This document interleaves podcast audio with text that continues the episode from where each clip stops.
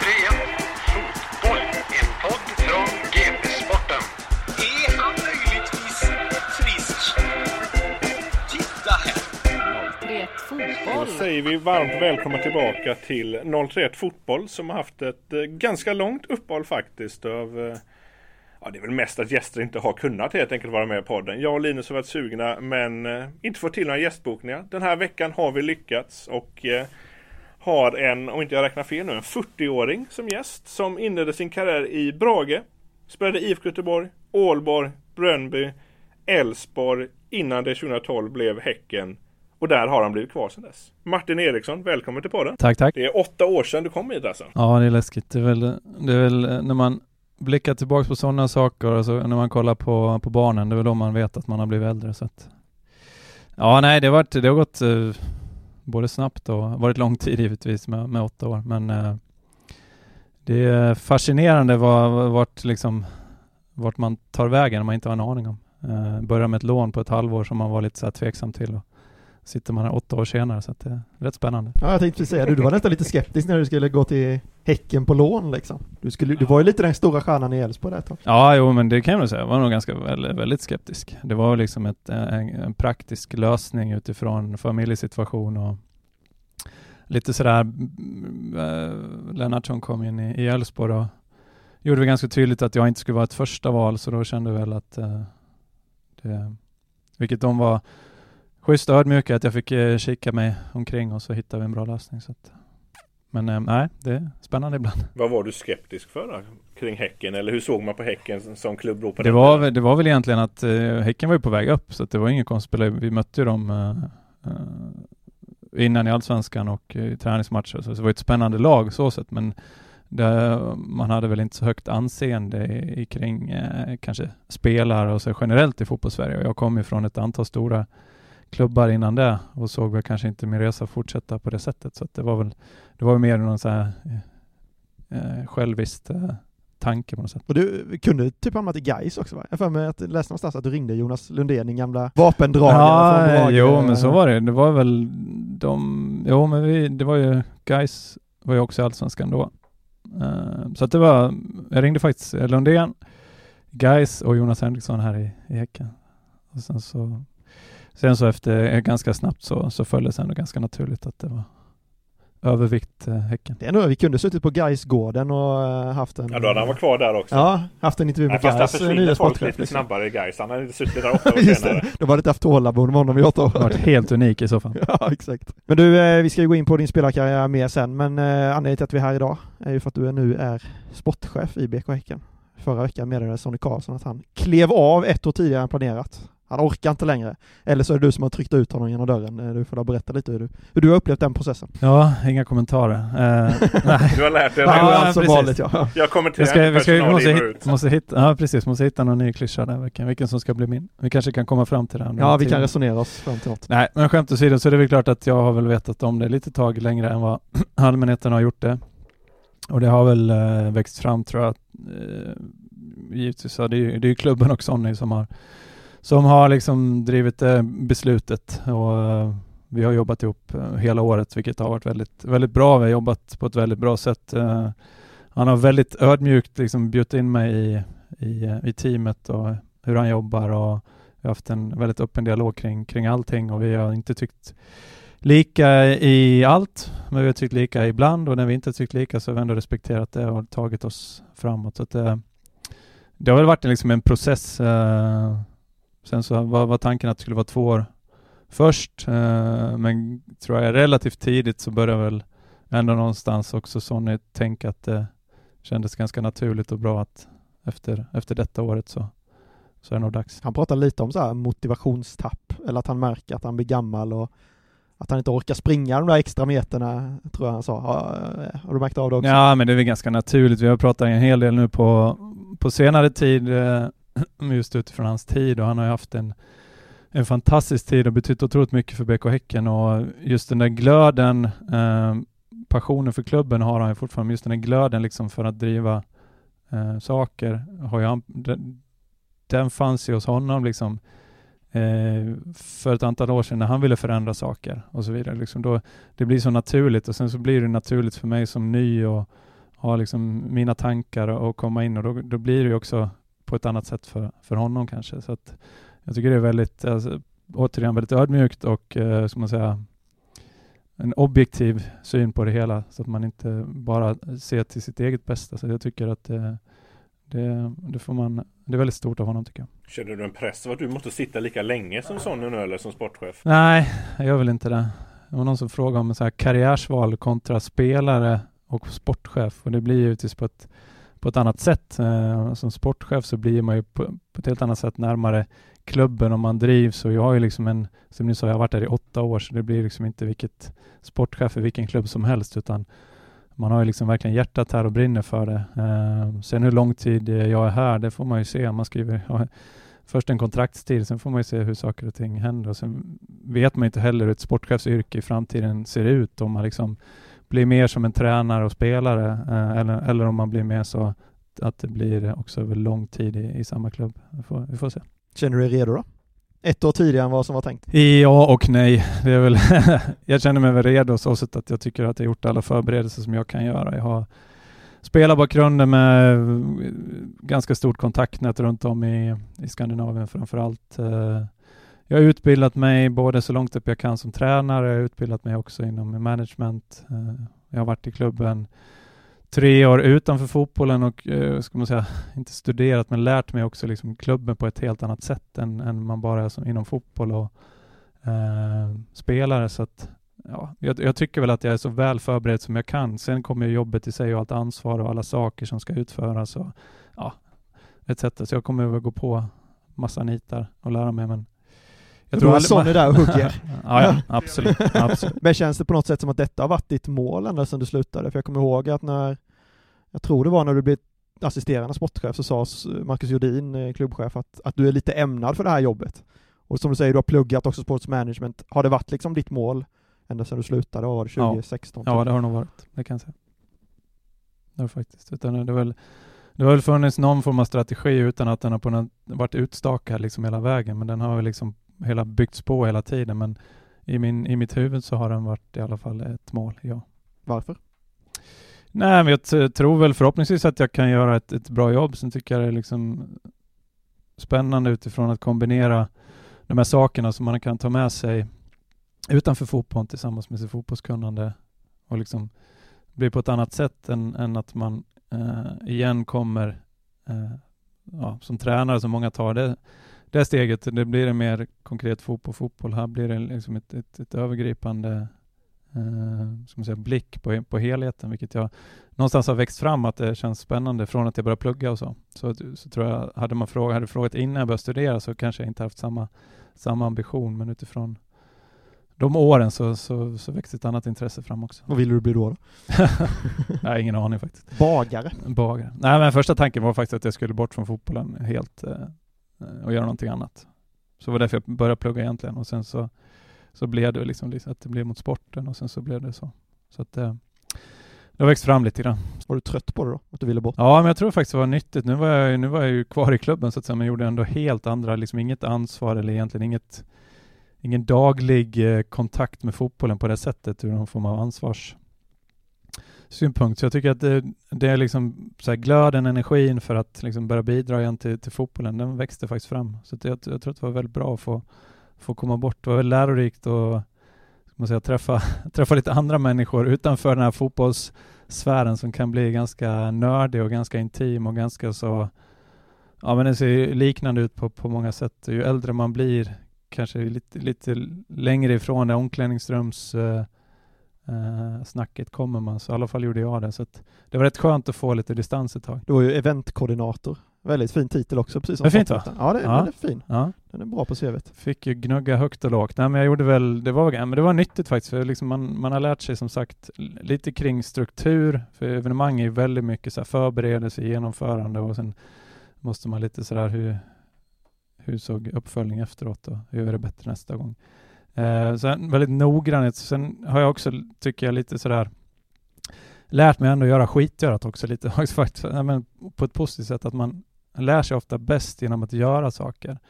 Ska man i min roll nu bara liksom delegera och liksom säga nu gör vi så här utan att ha någon kännedom kring vad det faktiskt innebär i varje, varje position. Det har jag givetvis inte på, på alla specifika, men men det är just evenemang, att man är med på att utföra sakerna, man förbereder sakerna, man utför sakerna, man gör, liksom, hjälper till allt från plocka fram till plocka bort till att ta nya kontakter, till att planera liksom, helheten på något sätt, tror jag. Den har varit väldigt nyttig eh, och lärorik. Var det det du fick göra nu med Sonne då, när du gick lite vid sidan av, att du fick göra hans skitgöra alltså?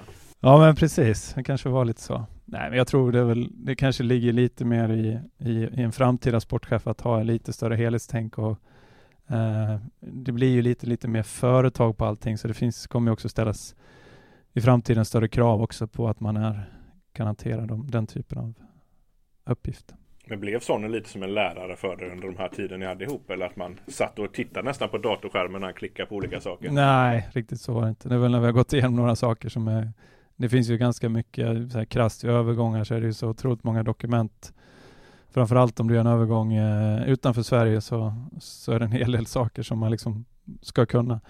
Så där kanske det blev så här rent praktiska saker, men annars så tycker jag mer har varit så här, att vi har en, en dialog hela tiden och sen sagt så här, men jag har ju valt att gjort så här och ja, du får givetvis göra som, som du känner och sen kanske jag har mina tankar och ibland så tycker man att det är skitbra, ibland kanske man inte tycker det är lika bra. Har det varit på något sätt att du har suttit och väntat på att ta över och liksom få göra som du vill? Änt, Nej, men alltså, jag, kan min man kan, jag kan tänka mig att det är så liksom, även fast man har stor respekt för en person eh, och håller med om mycket så har man egna åsikter och vet man att man en dag ska ta över så måste det finnas någonting inom en som bara längta till den dagen att nu får jag göra som jag vill liksom. Och vi bevisar mig på Ja, det är väl klart, alltså det ska ju ljuga om man liksom inte sa så. Det tror jag väl alla som inte sitter i en bestämmande position kan väl känna så på sitt, på sitt jobb utifrån närmsta chef man har att vad i helvete, varför gör vi inte så här? Sen är det som sagt, det har varit, jag tycker att det har varit en, så en väldigt öppen miljö där liksom hela tiden varit nära till att, att ha dialogen och så att det inte bara fattas att han fattar massa beslut fast Fast vi andra då, jag och Hampus som är chefskatt, tycker någonting helt annat. Utan sen är det ju givetvis, i och med att han har varit sportchef så har han fått tag i besluten. Men eh, ja, ibland så tycker vi olika och då, då, då kan man tycka att vi skulle ha gått en annan väg. Men inte så jävla många gånger faktiskt. Det har varit ganska bra. Han har inte gjort som Donald Trump i USA och så här, fattat massa beslut innan han vet att han ska lämna liksom. Benåda massa folk och värva och... Han har inte ens lämnat än så det blir... Nej, just det, han har inte erkänt i alla fall. Det är nästa år de besluten kommer. Vad kommer folk här uppe på eh, säcken att märka för skillnader liksom när, när du faktiskt tar över på riktigt nu? Liksom? Ja, alltså det konkreta det är väl att jag försöker väl bygga, i, och med att jag har gjort uh, mina år då som jag sa på marknadsavdelning och uh, både Gotia Cup och, och BK Häcken så, så har jag en ganska bra kännedom kring, kring hur de olika avdelningarna arbetar och det har väl varit ett av mina mål även i fotbollen, liksom få en röd tråd i allting, att vi jobbar lite närmare varandra. både inom fotbollsdelen från breddakademi upp till A, men också liksom som en helhet i föreningen. Så att jag kanske en ännu tydligare brygga emellan och var liksom eh, lite mer uh, up to date med uh, hur vi som helhet vill jobba och vad de önskar från mig. Så lite mer lyhörd för det tror jag. Känner du att du och Son har tittat eller gillat samma typ av spelare eller har ni haft mycket olika syner där när ni har tittat på eventuella förstärkningar? Ja, men jag tycker nog i grund så har vi faktiskt, eh, så ser vi när vi, när vi kikar på spelare så kan vi tycka liksom, ja men det är bra eller dåligt. Och sen så har vi ju liksom detaljer som som kan styra en åt ett håll eller åt ett annat håll. Uh, så vet jag att Sonny tyckte att det var jävligt jobbigt för att det blir liksom lite enklare att bestämma själv för då behöver man inte ta med alla de andra sakerna som någon annan tycker.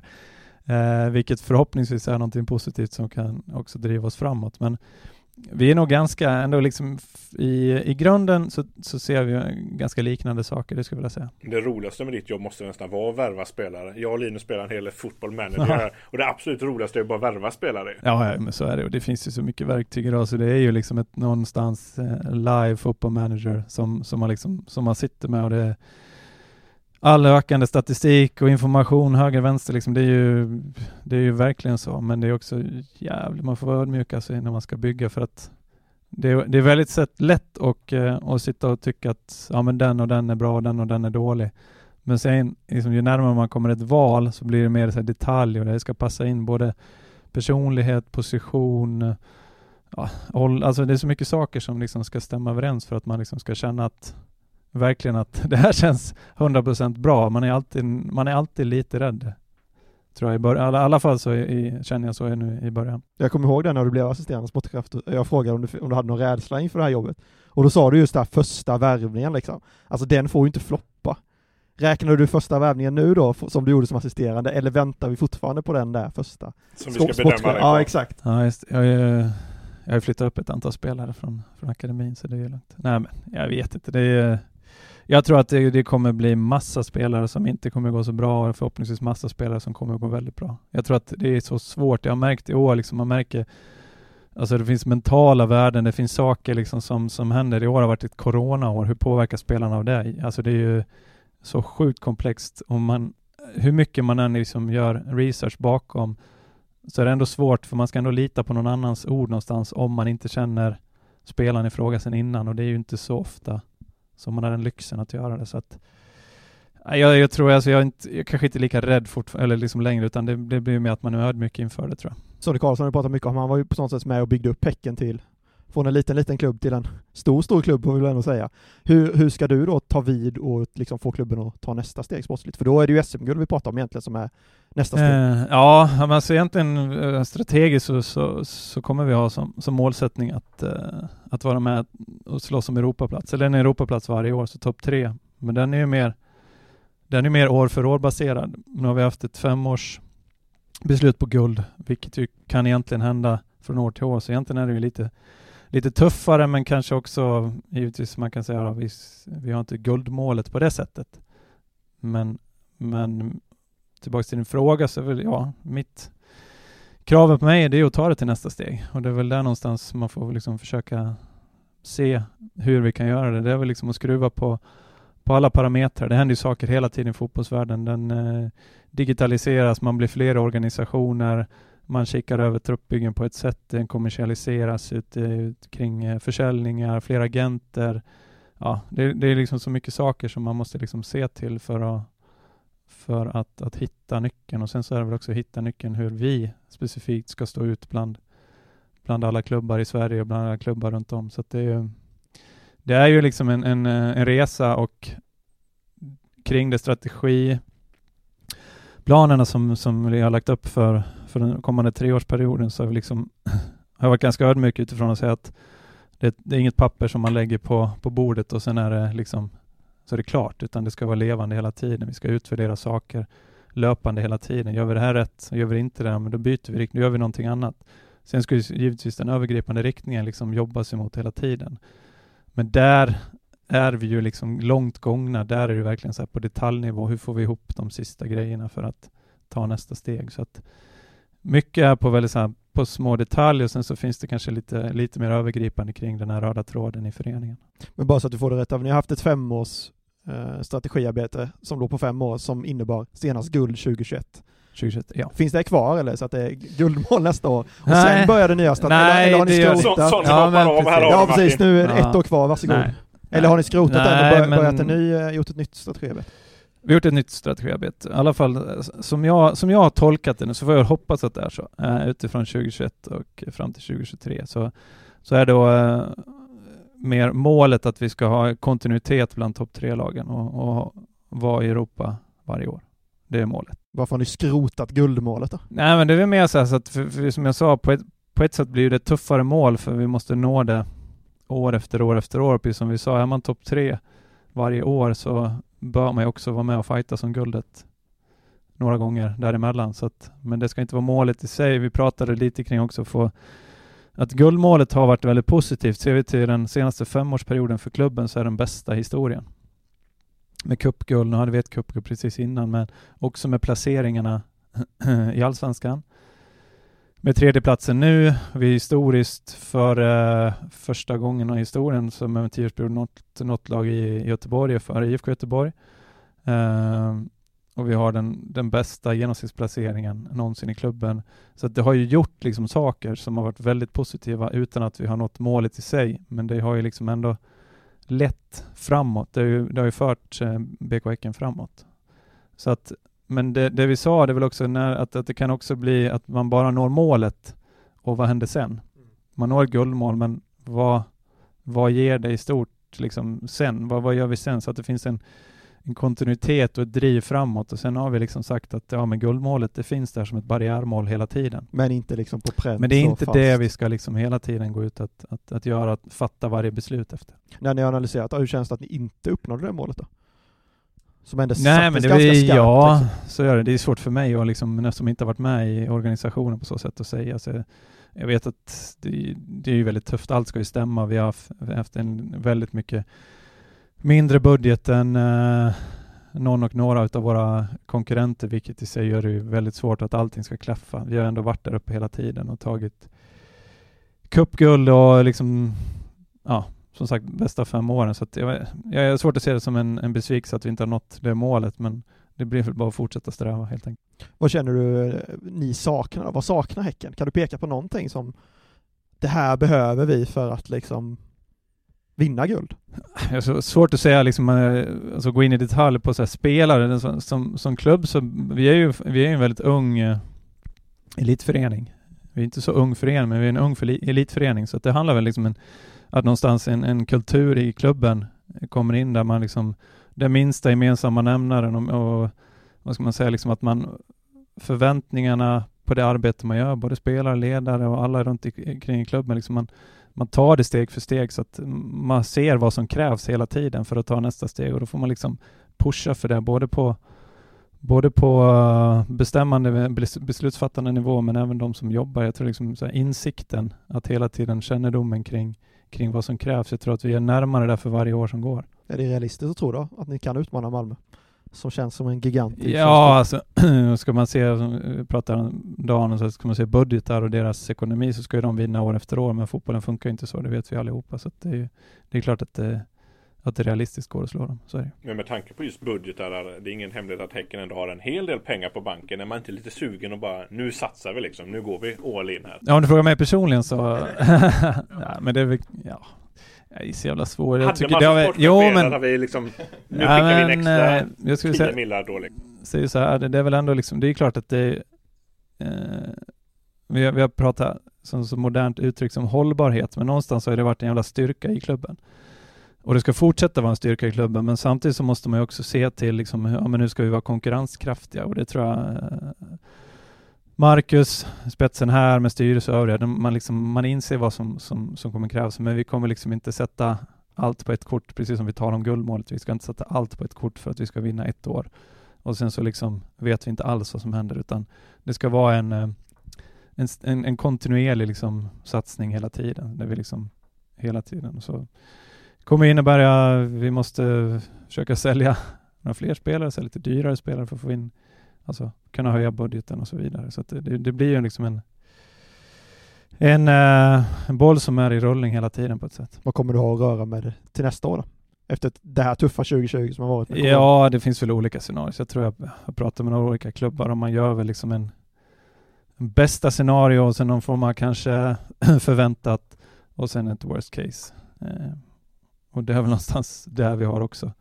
Eh, det är väl liksom lite på kort sikt och sen vad man ser framöver och sen så det kan, kan jag se ut på ett sätt nu och sen på ett helt annat sätt i sommaren. Så att, eh, året har ju varit lite så, det har varit lite bättre än vi kunde ha förväntat oss under, under våren. Så det, just nu känns det väldigt bra att vi liksom har en klubb som inte är på gränsen eller att man vet liksom att vi går inte under utan vi, vi kan fortsätta satsa och, och, och fungera. Kan Häckensupportrarna förvänta sig några värvningar i vinter? Ja, absolut. Vad letar du efter?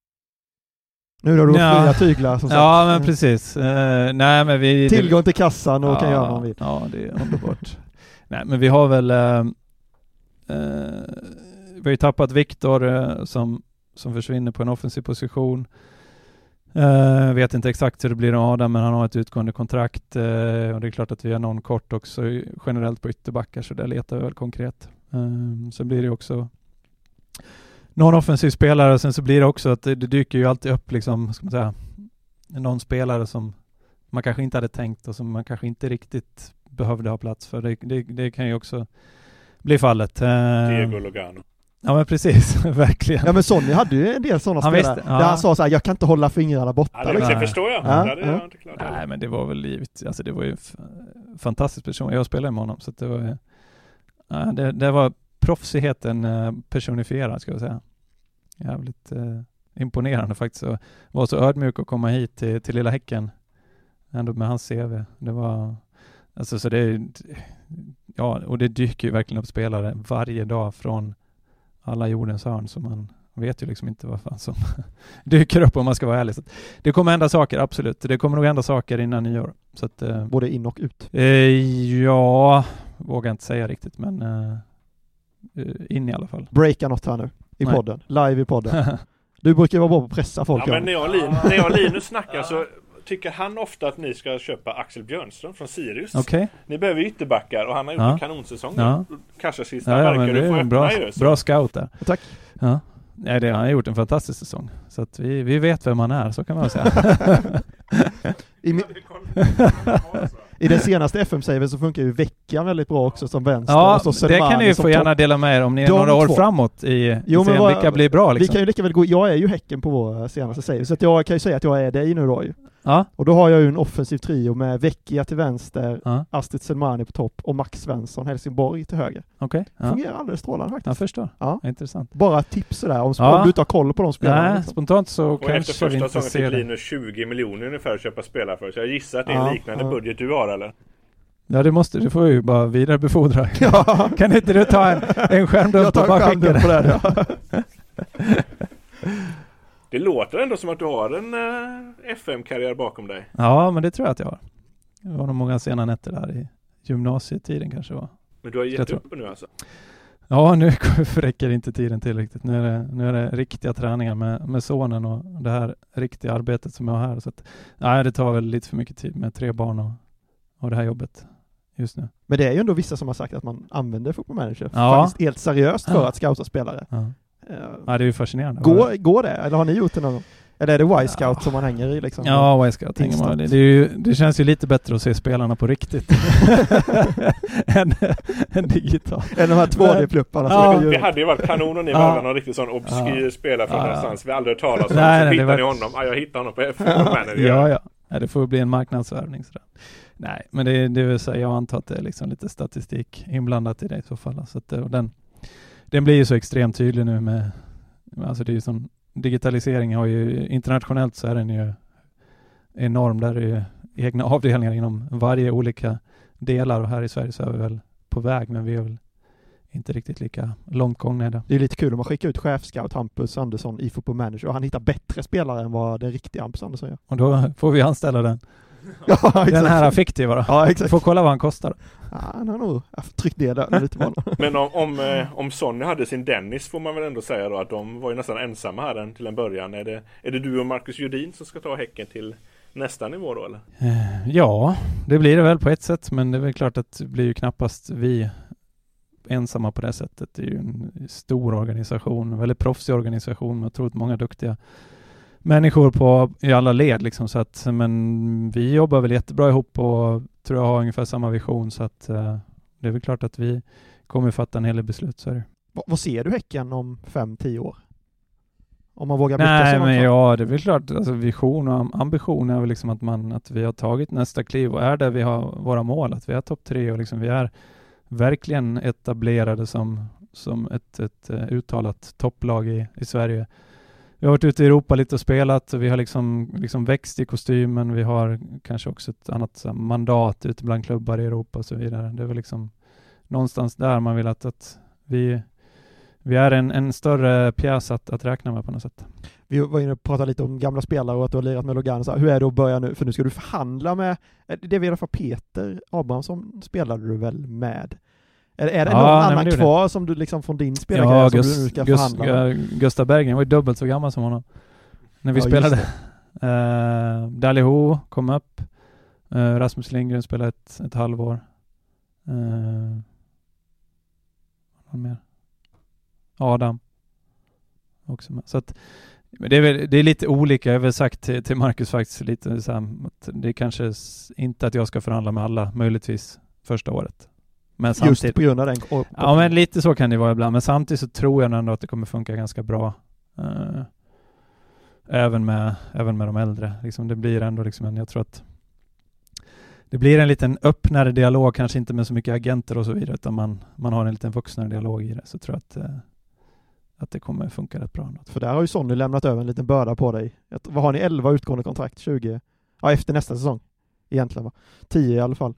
Ja, men jag vet, jag vet, ni skrev väl om det och jag, jag, jag tycker inte att det känns som en börda. Jag tycker det är, Vi har ett 2021 där vi sitter väldigt bra. Och det är långt till 2022 och det hinner hända mycket saker. Det hinner eh, säkert komma in och försvinna spelare.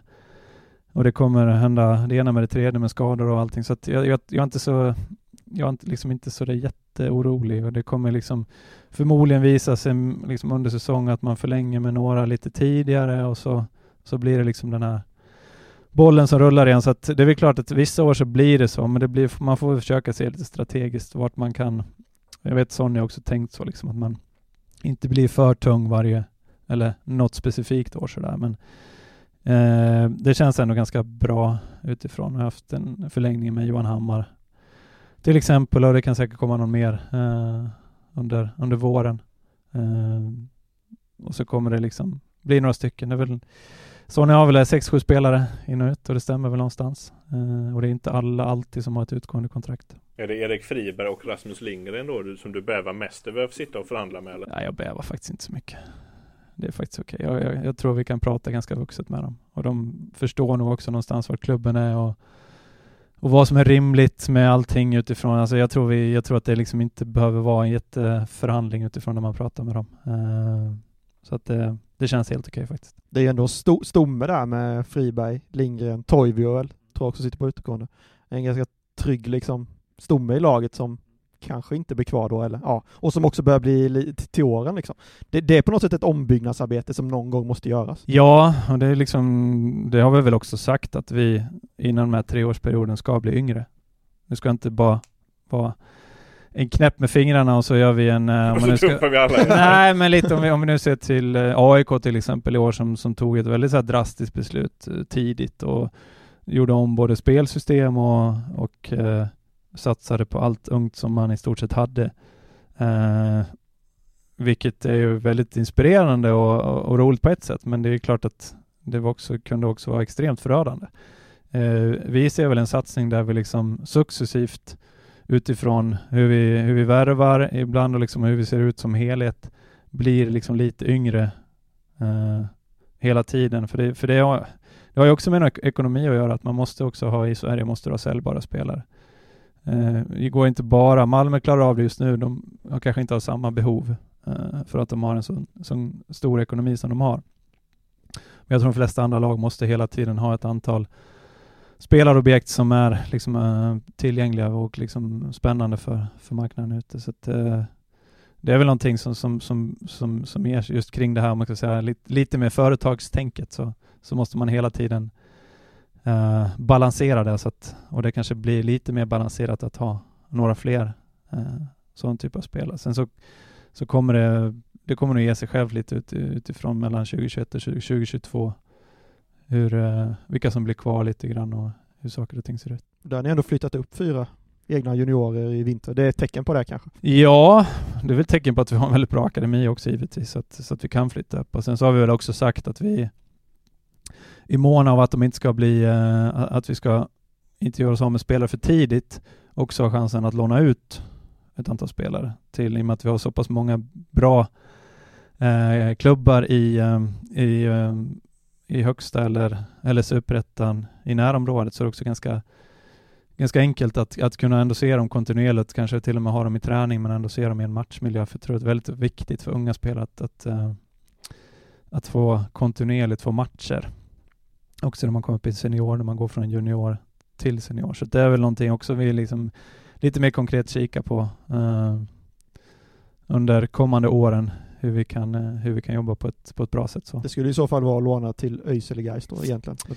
Ja, det finns ju med omnejd. Det finns ju, jag menar, ja, det finns Norrby, Falkenberg, uh, ja, och runt omkring Jönköping. Alltså det finns många lag som ligger relativt nära som man kan ha en god kontakt. Vi har ju haft ett bra exempel i år som för är lite längre bort, men IAM eh, också som i stort sett inte hade så mycket referenser utifrån att han kom uh, ganska naken från juniorfotbollen, eh, vilket är svårt då för klubbar att, att, att, ta en spelare, för vi vet inte, vi har inte sett och så var det coronatider, man kunde inte se i matchmiljö och så vidare. Sen blev det i alla fall eh, AFC och han har ju spelat fast hela året, gjort det väldigt bra eh, det blir också en stärkt referens för, för BK Häcken. Vi har Kevin Ackerman i ÖIS eh, och Benjamin Arapovic i Norrby som också har spelat hela tiden i Superettan och in, kanske inte riktigt räckt till till en, en, en första plats i, i, i A-laget här. Så att vi har ändå lite referenser som känns bra och det är väl lite så man vill bygga vidare. Malmö är väldigt duktiga på det.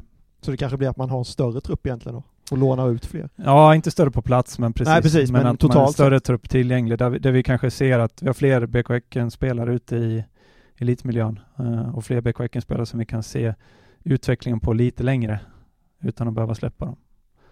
Det är väl i alla fall en, en tanke som vi försöker driva under 2021. Sen får vi väl se. Det, det som Chelsea, Premier League-klubben, vad hade de?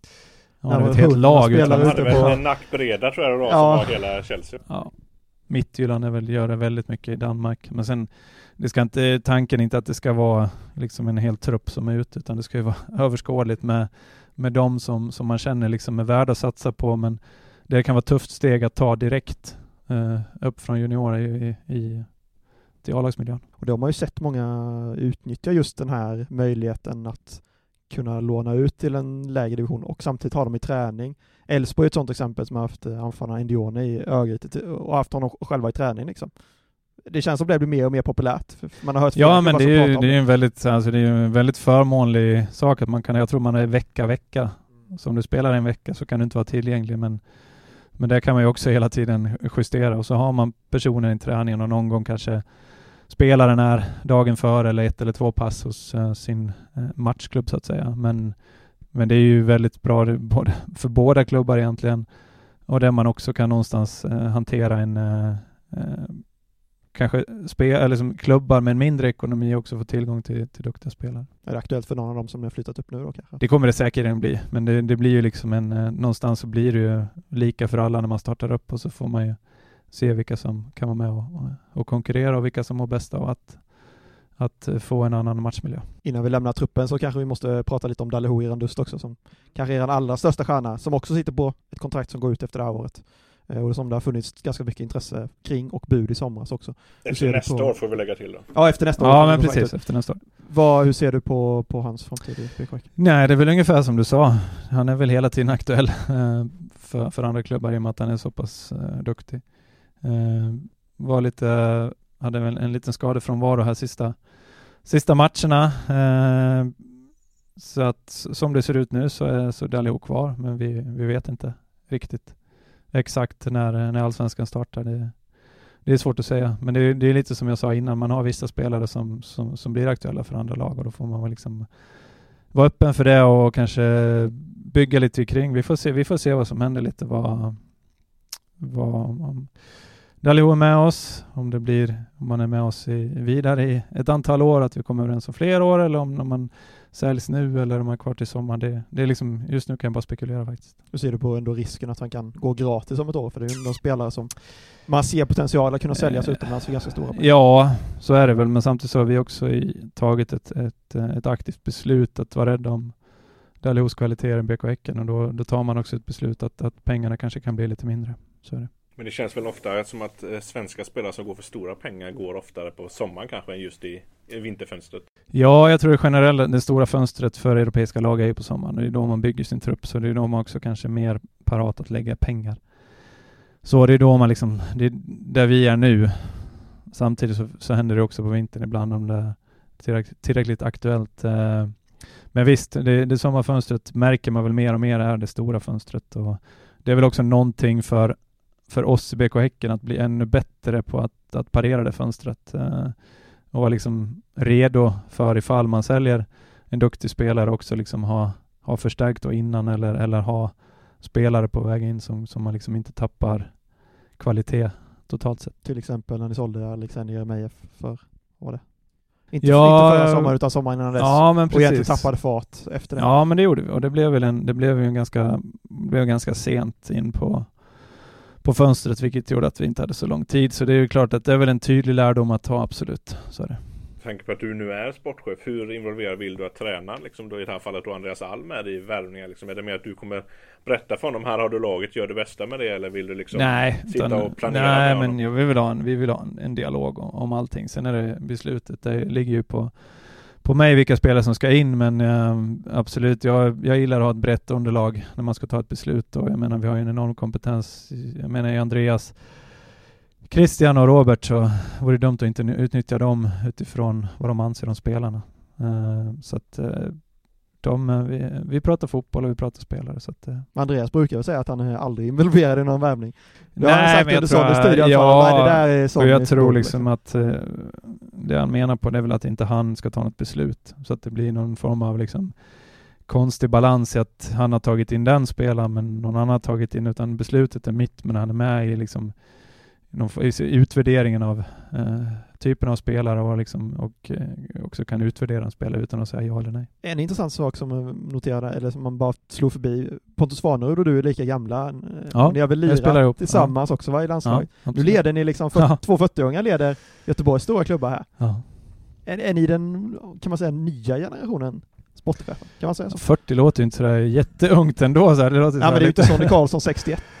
Nej, nej men det är väl klart att det är som jag sa, eh, Micke Dorsin i, i, i Rosenborg. Eh, det kommer liksom fram, eh, AIK har en, en ny sportchef och det är liksom också en stor klubb och det, det, det är väl klart att det blir ju den naturliga gången att någon blir äldre så kommer det in en yngre. Och nu är det väl, precis som du säger, nu är det väl kanske min generation eller vår generation som, som man kommer se fler och fler. Vilket är ju också positivt för mig för att kontaktnätet blir bättre och det blir lättare att jobba liksom i miljö. Så att, ja, det, det är väl snart, eh, sen är det ju givetvis olika hur, hur det ser ut för, för de olika klubbarna. Hur är ni då? Ni nya hur är vi nya? Nya, Nya, nya härliga, fräscha. Ja, exakt. Eh, Ut med det gamla. Ja, men precis. Ut med skiten. Ja, vi har ju Daniel Andersson i Malmö också, som är några Ja, år äldre, men det är ju också samma ja. generation egentligen. Jo, men så är det Ja, hur är vi? Jag vet inte om vi är på något speciellt sätt. Som jag sa så tror jag att det, kravet på ett annat sätt, Daniel har väl det liksom extremt utifrån storleken på, på Malmö.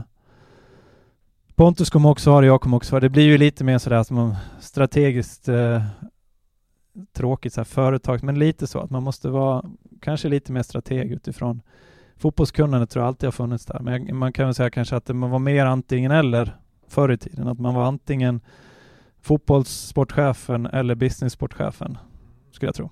Nu tror jag att liksom kravet mm, blir att man, att man kan hantera båda.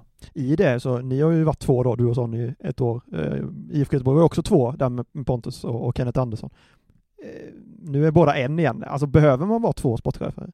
Eller, eller tror du att det, i, i dagens fotboll liksom? Svårt att generalisera, alltså svårt att säga sådär att ja, man behöver det, nej, man behöver inte. Borde man vara det? Men det är väl alltid, alltså det finns ju en styrka, det beror väl på dynamiken mellan de två som jobbar.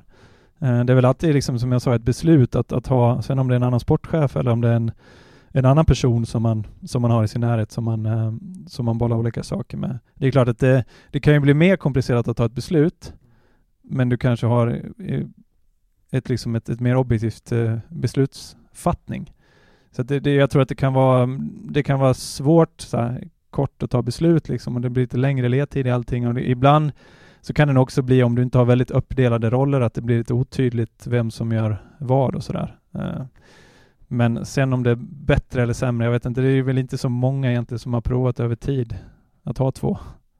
Det är väl ungefär som ett delat ledarskap bland tränare. Det är, det är svårt att säga. Det kan funka hur bra som helst och ibland så funkar det inte alls. Ska vi hoppa tillbaka lite på spelarkarriären? Jag tycker att vi, vi kör ditt eh, segment innan. Ska vi köra det vi har först? ett enda segment i den här podden. Vi har Alltså? fortfarande ingen jingle till det. Får sjunga lite då? Ja, kan du ta en? Jag kan inte ta en ton. Nej, okej. nej. Då skiter vi i det. Ja, det är herregud. Om inte du vill sjunga något här inne. Jag kan sjunga men eh, nej, nej det kan jag inte. Jag skulle kunna sjunga om, om Fredrik lovar klippa Jag- bort det, jag men det kan kommer jag aldrig göra. Jag kan alltså. avslöja att Linus har en gitarr i sin läge som jag aldrig har sett han röra. Nej. Två strängar har gått sönder och det är Ja, inte lä- läger elden, det är där han Ja. sitter. Ja, exakt. Spela, självspelande. I, I min dröm. Ja. Det är alltså dags för Linus tuffa frågor heter segmentet. Så håll, håll i hatten. Ja, det är, det är nu du börjar på riktigt. Nej, men jag tänkte nu när du är sportchef då, så och har, nu har du ändå ansvar för Häckens spelartrupp här. Så nu måste du ha koll på dina spelare, tänker jag. Nej. Så det här blir... det måste jag väl inte. Jo, nu Ja, okej då. Vi får se. Så det här är ett kunskapsprov, Mm, tack hur väl du känner Häckens Tack. spelartrupp. för passningen. Så att det är eh, sex frågor här nu. Ja. Eh, och vi börjar med en som, eh, den här, det är liksom, vi börjar med den lättaste nu. Mm. Vem, eh, vilka spelare tycker om att spela frisbeegolf? Och det här är alltså Jona. bra. Ett rätt. Jonas Toivio. Tack. Älskar att spela frisbee. Men det är fler tror jag, men han är nörd. Ja, han är nörd. Ett rätt ändå. Det är ändå bra, ett av fem är Bra bra. Och det var den lätta. Det var den lätta. Smutsigt. Nu går vi på, det här är, det här är väldigt högt upp. Eh, vem beskriver sig själv som en daimglass? Oj, det, här, det, här känns, det här ska man passa sig för. Hur, hur menar personen i fråga då? Nej, Inget svar. nej. Du, du passar, du vågar inte gissa. Eh, att, att det händer att det är lite, lite sött med vaniljen och lite... Jag kan, Kris- motiveringen är så, här, är så här, jävligt god på utsidan, men det bästa finns på insidan.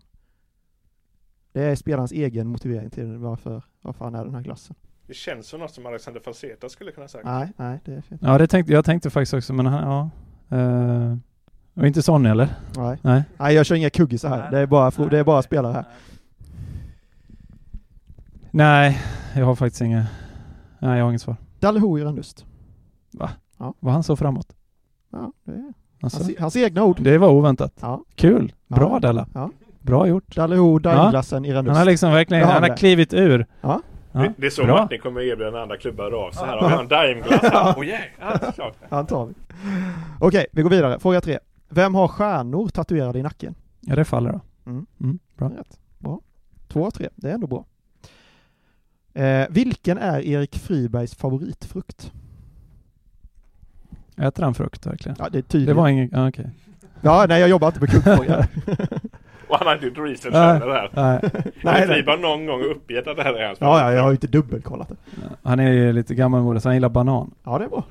Alltså det här, det här går förvånansvärt bra. Det är nästan så vi klaft Sonny i ett rum med hörlurar på sett om han hade kunnat de här. Ja, det är tveksamt alltså. Nu, det här svaret överraskade på oss i alla fall. När vi eh, kollade igenom. Vilken är Patrik Wålemarks favoritartist? Hyfsat bred fråga. Nej. ja, Alltså, är man sportchef Ja, så ska okej, man kunna sånt här.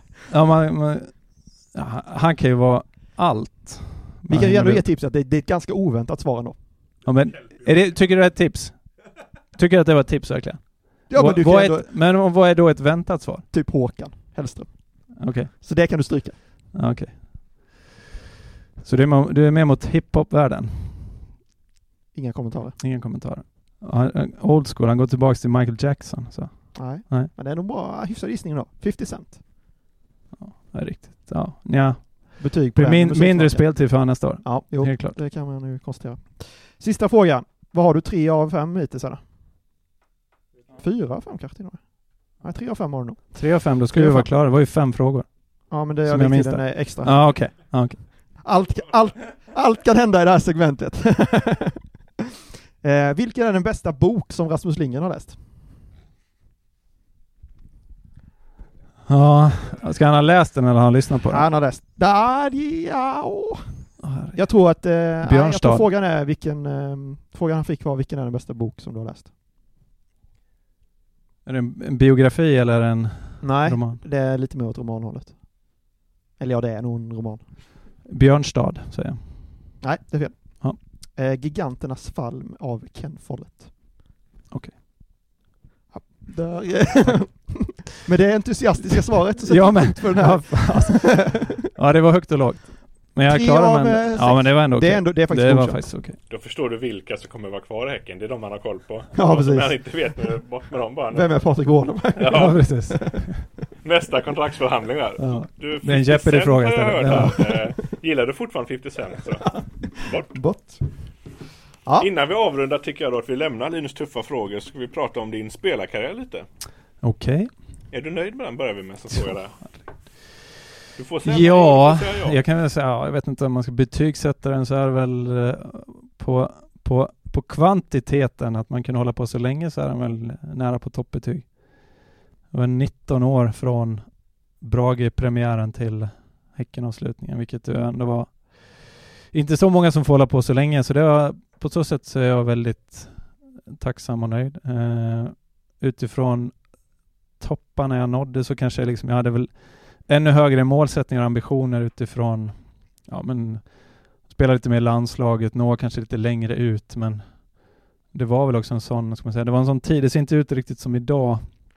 Det var ju liksom inte så, så öppna gränser i fotbollsvärlden som det är idag riktigt, utan det var ju några stora länder som man som man liksom hade att välja mellan och jag var väl lite så här, vad ska man säga, gammaldags, att jag ville gå liksom successivt och liksom hitta en, en bra klubb som kunde leda mig in i landslaget och som kunde man ta vidare till ja, men något av de stora länderna. Så, så att, eh, jag nådde väl en bit på vägen, var i ett Bröndby som var Eh, ja, en, en, en väldigt stor klubb i, i Skandinavien vid tidpunkten, men sen så blev det lite stopp där av olika skäl. Eh, så då blev det hemåt igen, men sen blev det ändå fart och en väldigt bra avslutning i BK Häcken. Så man ändå liksom summerar så man har väl spelat i många bra klubbar, spelat i landslaget, eh, haft jävligt kul, eh, gjort några minnesvärda saker.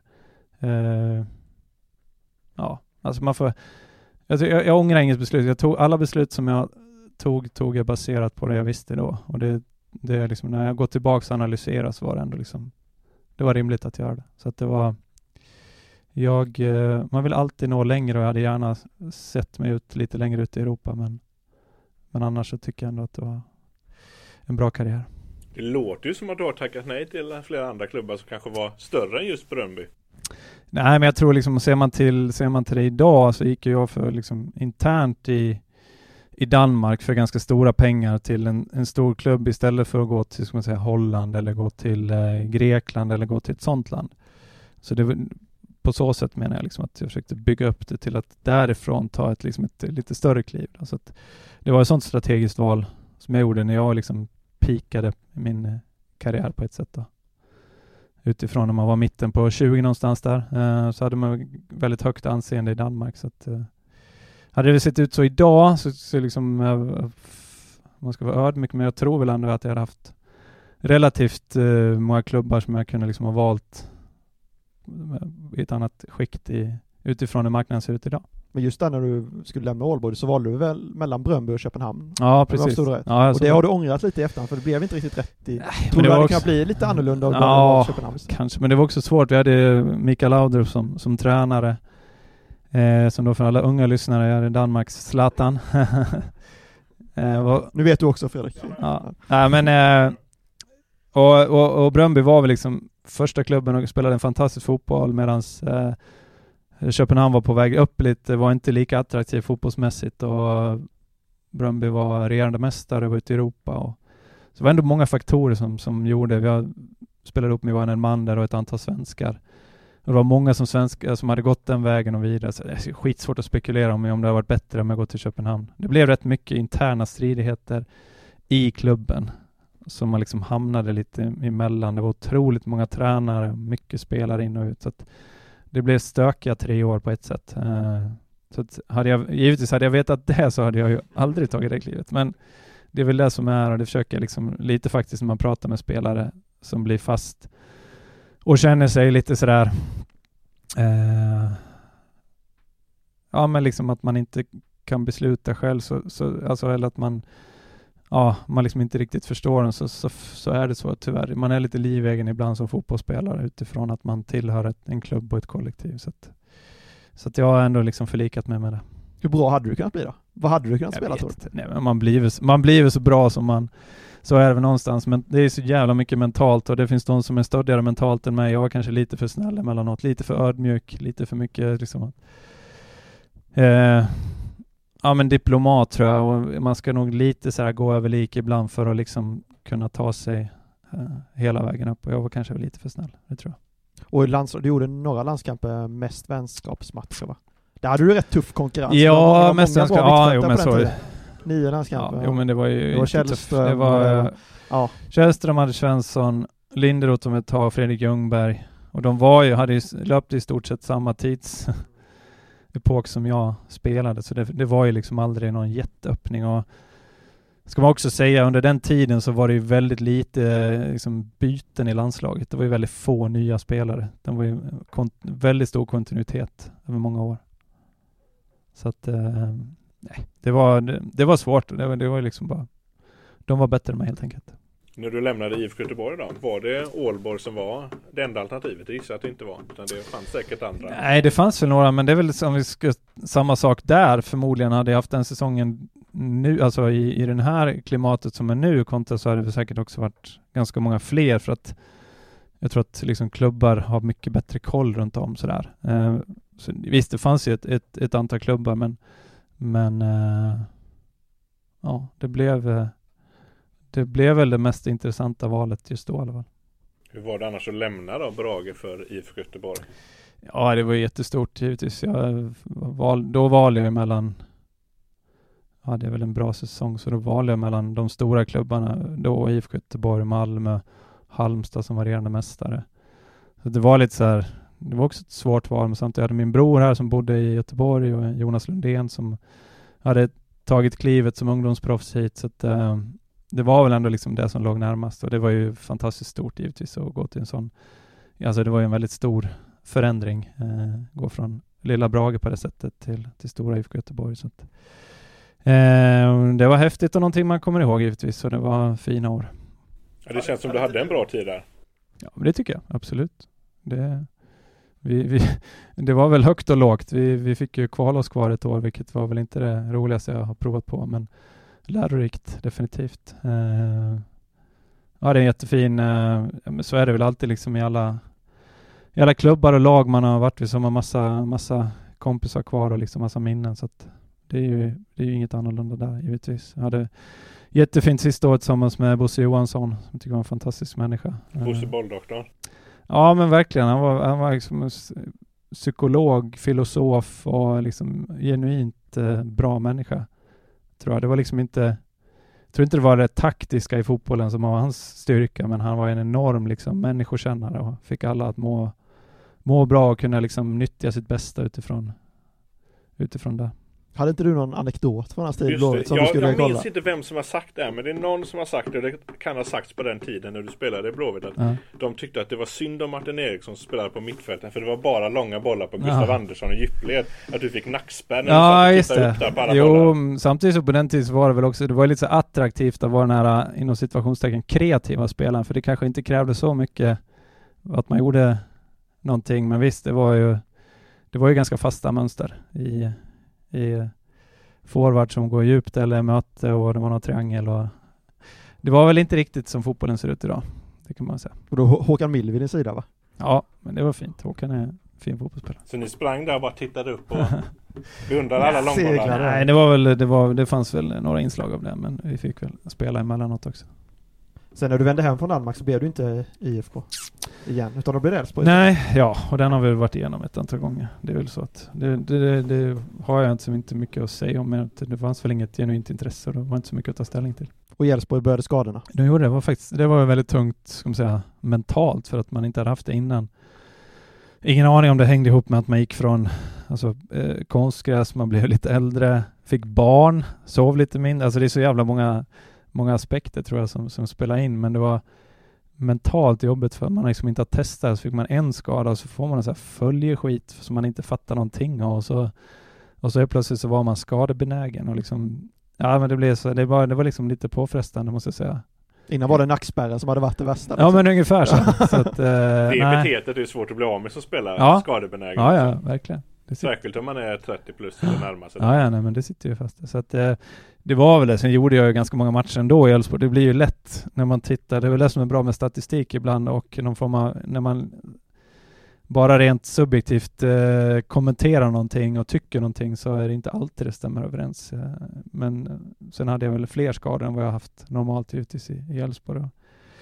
Mindre speltid än vad jag haft innan också. Så att, eh, men eh, också väldigt bra år och sen så eh, det som blev här i, i BK Häcken var väl också liksom att då, det har ju Sonny sagt att det blev liksom utifrån hans eh, när han värvade då för att få hit liksom kanske ett, ett skikt som man normalt inte kunde få så var det väl ofta att man kanske hade någon så skada eller någonting i bagaget men så var man väldigt skicklig på att, att ta hand om det på plats liksom och var, liksom var, var, var ödmjuk inför varje individ på något sätt och liksom eh, vårda den. Så att, och det, det kände jag verkligen när man kom hit att det var det var, det var så. Ändå lite speciellt att Sonny värvar dig Mm. och nu ersätter du honom. Mm. Ja, så är det. Ja, då har du inte trott att någon sa då direkt. Du kommer en dag Nej, ta fan, över. nej, nej, ja, nej, det hade jag nog inte trott. Det har du nog helt rätt. Du hade Sonny aldrig värvat. Nej, Nej. nej, nej. Fan. Fram, framförallt kanske för några år sedan att då hade Häcken verkligen ryktet om att man kunde ta hand om spelare som kanske hade problem och inte lyckades av olika anledningar i andra klubbar liksom. Tittar Ja, men- mycket på spelare som liksom har Ja, fastnat av olika jo men det, det tror jag också liksom en, en kontinuitet utifrån att man, man värvar i spelare i viss ålder som man vet kanske inte heller är så benägen eller attraktiv för, för ett Europaäventyr eller andra. Så, så vet man att man har en kontinuitet och man vet att man har en, en högkvalitativ spelare eh, ändå. Nu, kan man också, nu ska man ju också se liksom ut, utifrån senaste fem, kanske lite mer åren så har vi också liksom tagit sådana kliv i fotbollssverige så vi har ju vi har ju en helt annat mandat att, att värva spelare. Vilket då gör att man liksom, man tar ju kliv. Det är klart att det blir lite, lite bättre spelare, kanske lite eh, dyrare trubbudget. Alltså det blir ju, allting går ju hand i hand på något sätt utifrån att man växer och att man vill ha resultat. Så det är väl klart att man fortfarande kan kolla på den aspekten. Men den kanske inte är lika liksom, det är inte samma röd tråd som det fanns då tror jag. Jag hittade en gammal intervju med dig från eh, 2009. Ja. Eh, frågan var du fick då, din största dröm med fotbollen? Ska jag säga vad det var? Ja, Eller vad det är? Kom, kom, nej, du, det var frågan du fick 2009. Vad tror du att svarade? Ja, det är förmodligen, det kan jag, ja. Ska jag vinna SM-guld eller? Vinna titlar och göra vackra mål. Ja, det är fint. Ja, det är fint. Ja. Vackra mål gjorde du och titlar vann du ju. Men Ja. aldrig någon, eh, Ja. du lämnade Elfsborg precis innan de vann guld va? Så Ja, någon ligatitel har du inte Jag, kom, jag kom hit, nej jag har inte den. Den, den har jag till godo. Eriksson. Förbannelsen. Men den, den ändras ju nu givetvis. För nu kommer jag ju till, nu har jag liksom en klubba som inte har en titel, då kanske det blir, då blir det på ett helt annat sätt. Minus minus blir plus. Ah, Mm. bra ekvation. Mm. Vi borde egentligen avsluta då med att du får samma fråga som du fick 2009 så återkommer vi om typ 11 år. Ja, men precis. du minns det Lite långsiktighet är alltid fint. Ja. Vad är din största dröm med fotbollen? Jag vill vinna SM-guld med BK Häcken. Det här kan vara det bästa slutet vi någonsin haft på en podd. Ja, det, faktiskt. Vi kommer avrunda, vi klipper direkt efter. Vi säger inte ens tack och hej egentligen. Nej. Men vi säger ändå det. Stort tack Martin Eriksson för att du var med på podden. Tack så mycket. Mm. Tack. Vi är tillbaka antagligen efter jul och nyårsledighet. För det bestämmer jag nu. Vi hörs då. Hej! 031